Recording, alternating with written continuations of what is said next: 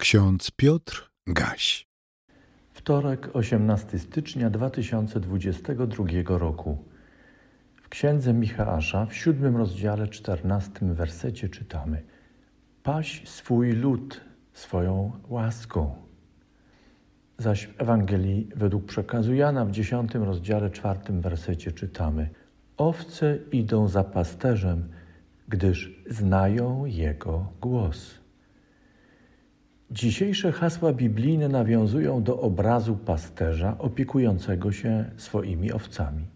Dodajmy obrazu powszechnie oglądanego, zwłaszcza w okresie powstawania natchnionych pism objętych kanonem Pisma Świętego. Dla nas współczesnych ten obraz jest mniej nośny i zrozumiały. Przyczyna jest prozaiczna Owca nie jest powszechnie występującym zwierzęciem w naszym świecie, a pasterza kojarzymy najczęściej z tak zwanym elektrycznym pasterzem. Ten, jak wiemy, nie ma nic wspólnego z tym opisanym w biblijnych tekstach. Myślę więc, że z tego powodu trudniej nam ogarnąć refleksją obraz pasterza, jego pracę, odpowiedzialność, niebezpieczeństwa, na które był narażony, kiedy troszczył się o swoje owce i bronił je przed najemnikami, wszelkiego rodzaju drapieżnikami. Niemniej, przy odrobinie wysiłku i dzięki wyobraźni pobudzonej ikonografią na ten temat, możemy odczytać przesłanie zawarte w obrazie pasterza i jego owiec. Czytamy dzisiaj Paś swój lud, tak napisał Micheasz. To zawołanie skierowane do Pana, pamiętaj o swoim ludzie. Jesteś jego pasterzem, opiekunem. Ty, jak każdy dobry pasterz, znasz swoje owce. Paś je. Jeśli ty nie zaopiekujesz się nimi, kto to uczyni? Twoja bliskość Twoja opieka to szansa dla owiec, aby nauczyły się rozpoznawać Twój głos. To ważne, bo przecież brak znajomości głosu dobrego pasterza, opiekuna owiec, wcześniej czy później ma fatalne konsekwencje. Owce gubią się, są zdezorientowane, a potem także narażone na niebezpieczeństwo. Na niebezpieczeństwo, że pójdą za głosem złych pasterzy, najemników Ci zaś niekoniecznie zadbają o ich dobrostan. Wiemy, że obraz pasterza i owiec przywołuje w swoim nauczaniu również Pan Jezus Chrystus. Dzisiejsze hasło z Ewangelii według przekazu Jana prowadzi nas do Jezusa, dobrego pasterza. W nim Bóg wypełnia swoje zobowiązanie wobec ludu.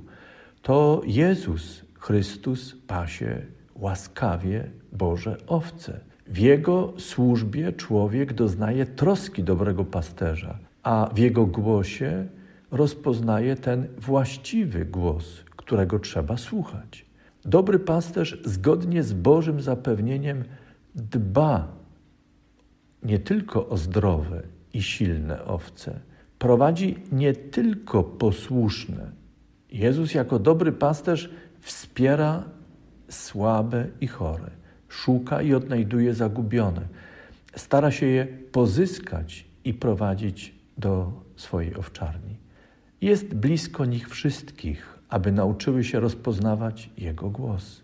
Towarzyszy im w różnych okolicznościach, na dobre i na złe, aby poznały, jak jest im oddany.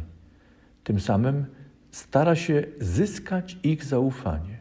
Służba dobrego pasterza jest wzorcowa dla wszystkich. Dobry pasterz wyznacza kanony właściwego pasienia, dbałości o każdą owcę. Tym samym dobry pasterz obnaża i demaskuje złych pasterzy, najemników, przeciwników i drapieżników wszelkiej maści i rodzaju.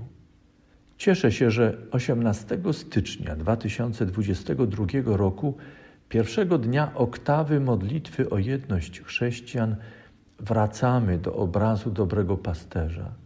To znany obraz we wszystkich tradycjach chrześcijańskich. Jest objęty nauczaniem kościelnym. Zaś zwierzchnicy kościelni różnych szczebli, jak powszechnie jest to akcentowane, skądinąd słusznie, mają być pasterzami na wzór Chrystusa, dobrego pasterza. Co najmniej jedna kwestia w nauczaniu Jezusa Chrystusa nadzwyczaj inspiruje i dynamizuje różne kościelne dyskusje prowadzone wewnątrz poszczególnych wspólnot, a także rozmowy pomiędzy wspólnotami różnymi wyznaniowo. Tą kwestią jest słowo dobrego pasterza Jezusa Chrystusa, który mówi, cytuję: Mam inne owce, które nie są z tej owczarni. Również te muszę przyprowadzić i głosu mojego słuchać będą, i będzie jedna owczarnia i jeden pasterz. Słowa o jednej owczarni i jednym pasterzu rozbudzają zapał interpretacyjny, łaskoczą wspólnotową ambicję, w której wspólnota siebie postrzega jako tę jedną, jedyną, z którą utożsamia się dobry pasterz. Z tej interpretacji rodzi się też silne oczekiwanie, czy nawet żądanie, aby wszyscy inni powrócili do tej jednej, jedynej wspólnoty, którą ktoś utożsamia ze swoją rodziną wyznaniową, ze swoim instytucjonalnym kościołem. Jakże bardzo potrzebujemy przekroczyć progi naszej rodziny wyznaniowej, naszych instytucjonalnych kościołów, by spotkać się z innymi, by wspólnie słuchać głosu Pana. Pana, który pasie łaskawie nas wszystkich. O jakże ważne jest wspólne rozważanie głosu dobrego pasterza, abyśmy w poszerzonej przez Niego wspólnocie uczyli się rozpoznawać Jego głos, Pana nas wszystkich, głowy Kościoła, którym jest jedynie On, Jezus Chrystus, nasz dobry pasterz. Jakże wiele możemy się nauczyć, kiedy będziemy się naszymi doświadczeniami gromadzonymi w bliskości Pana dzielić. Jakże ważne jest, abyśmy czynili to z modlitwą, zasłuchani we wspólne rozważanie wyrażone ustami różnych przedstawicieli wspólnoty i wzajemnie się w ten sposób wzbogacali.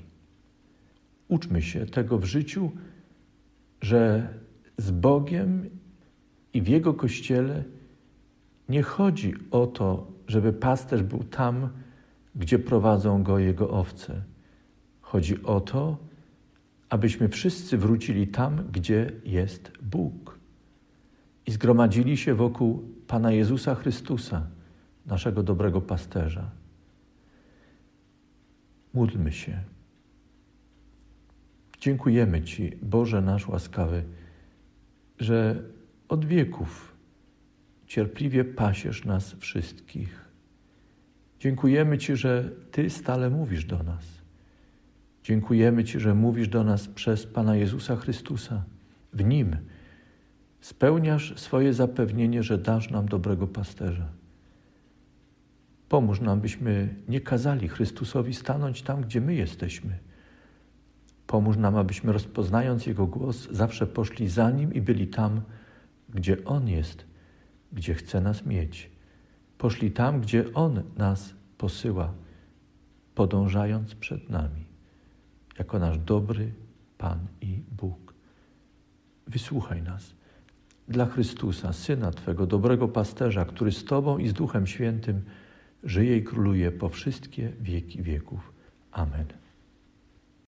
Więcej materiałów na www.trojca.waw.pl